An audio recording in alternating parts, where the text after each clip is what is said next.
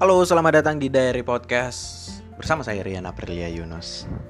Uh, Akhir-akhir ini saya lagi suka mm, nonton uh, dan baca tentang Konstantinopel, tentang Muhammad Al Fatih. Uh, Gak tahu ya, tiba-tiba saja suka dengar kisah-kisah heroik tentang penaklukan atau pembebasan Konstantinopel. Jadi ceritanya itu Konstantinopel itu ceritanya adalah hmm, kota yang dilindungi sama perlindungan yang sangat kuat di eranya. Itu penaklukan Konstantinopel kalau nggak salah ingat ya itu tahun 1945. Eh 1450 1400 bukan 1900 1400 um, 52 atau 53 kalau nggak salah ingat. 1453 itu ternyata saya baru tahu. Sebenarnya dari SMA dulu sering sering dengar tentang Muhammad Al Fatih tentang uh, penaklukan kemenangan terbesar umat Islam uh, kemenangan tentang kejayaan umat Islam waktu itu tapi tidak sampai nonton dan tidak sampai baca secara serius. Dan akhirnya beberapa waktu yang lalu saya nonton YouTube uh, kontennya itu yang bawakan adalah bukan bukan channel YouTube-nya Felix tapi dia yang bawakan.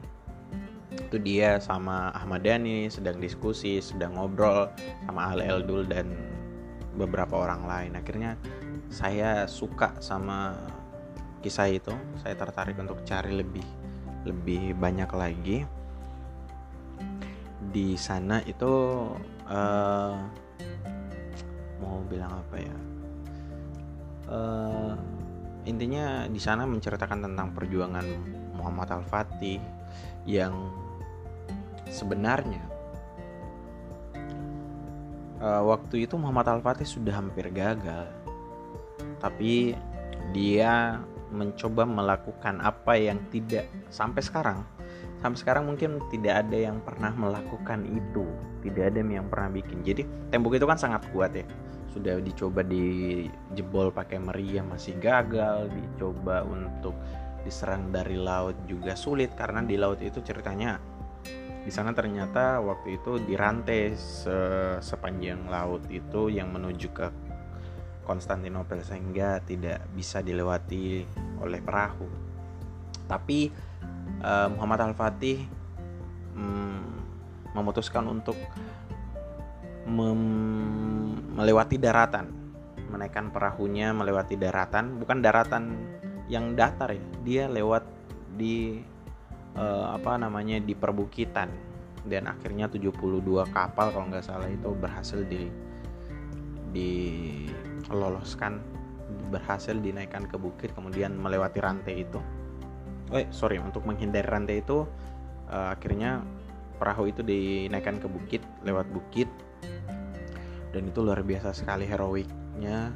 Dan mungkin masih belum bisa saya bilang jatuh cinta ya tapi saya kagum sama perjuangan dari Muhammad Al Fatih yang bikin saya penasaran adalah di awal kisah itu di awal kisah itu uh, Rasulullah itu bersabda kalau misalnya saat itu dia ditanya yang mana kayak akan ditaklukkan terlebih dahulu dari kedua ini. Yang pertama Roma yang kedua adalah Konstantinopel.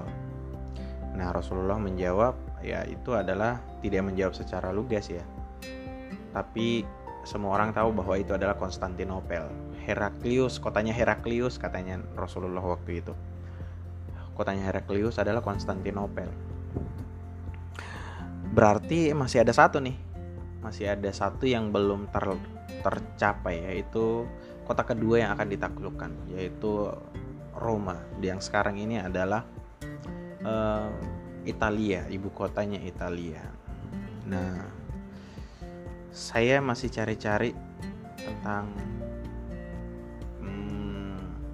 bagaimana persiapan atau apakah itu akan terjadi uh, di masa saya di masa saya masa hidup. Kalaupun itu terjadi saya mau tahu sejarahnya sejarahnya apakah seperti sejarah penaklukan Konstantinopel. Tidak tahu ya kayak langsung gak suka sama kisah-kisah seperti itu. Kisah-kisah yang dibawakan oleh Felix Xiao gimana perjuangan Muhammad Al-Fatih terus bagaimana penyebaran umat Islam?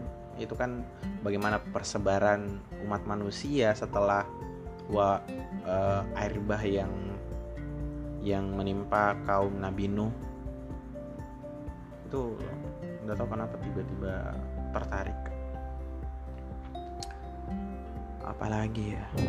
Kayaknya itu yang mau saya bilang. Sekarang saya lagi tertarik cari tahu atau baca-baca nonton-nonton video tentang Konstantinopel.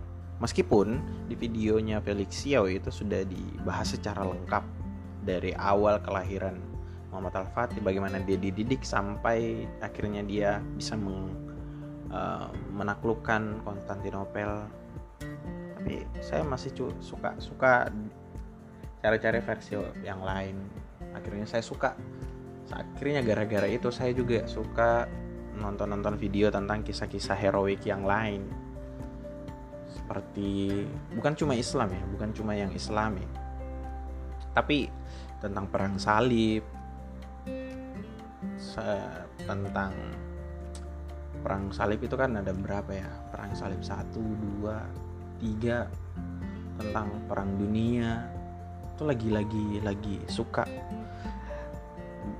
cari tahu tentang itu. Gara-garanya gara-garanya saya dengar uh, menjelaskan tentang Konstantinopel akhirnya saya saya kemudian suka sama hal-hal yang berbau sejarah yang hmm, bau, yang berbau sejarah seperti yang sifatnya perang.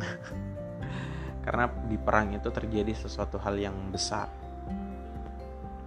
Itu saja mungkin yang mau saya sampaikan di diary podcast ini agak sedikit ke mana-mana ya. Belibet dan tidak jelas mutar-mutar tapi ya sudahlah. Terima kasih sudah mendengarkan. Salam genre